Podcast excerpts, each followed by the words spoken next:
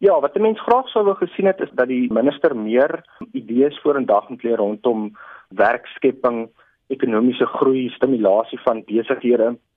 Hulle praat al baie lank van klein besighede ontwikkel, entrepreneurs, maar daar was nie regtig sprake van dit in die begroting gewees nie. Die enigste insentief wat hulle wel aangekondig is die skep van um, jou sogenaamde spesiale ekonomiese ontwikkelingszones in sekere areas van die land, byvoorbeeld Oos-London, Richards Bay, Saldanha Bay waar hulle dan sekere industrieë wil bevorder rondom vervaardiging en dienslewering wat dan 'n beter belastingkoers dan sal bied aan maatskappye wat daarso hulle self setel.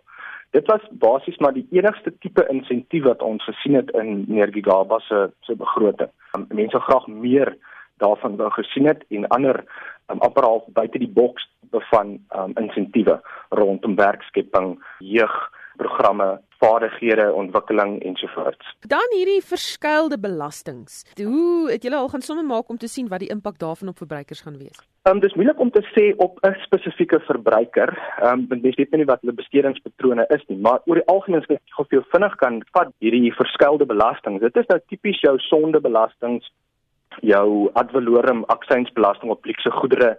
Ehm um, een van die voorbeelde wat hulle gebruik het is golfballe.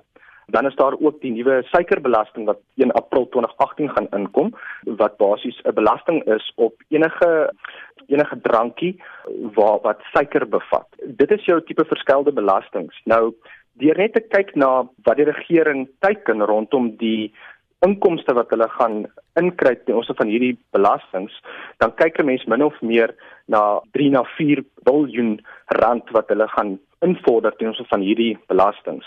Jou brandstofheffing is ook 'n heffing wat motoriste nadelig raak. Met ingang 4 April eh, van hierdie jaar gaan die algemene brandstofheffing op met 22 sent per liter en dan ook jou padongelukkefondsheffing gaan op met 30 sent per liter. So dis 'n addisionele 52 sent per liter wat motoriste gaan betaal om net om brandstof in hulle voertuie te gooi. Nou ek dink as jy 'n golfspeler is laat hierdie eintlik 'n wrang smaakie in jou mond want gestel nou jy het 'n slegte rond op die golfbaan gehad vandag en jy wil nou 'n 'n drankie geniet. Jy gaan nou duurder betaal vir jou drankie en jy gaan duurder betaal vir jou golfballe. En jy het teen die 'n paar golfballe um, weggeslaan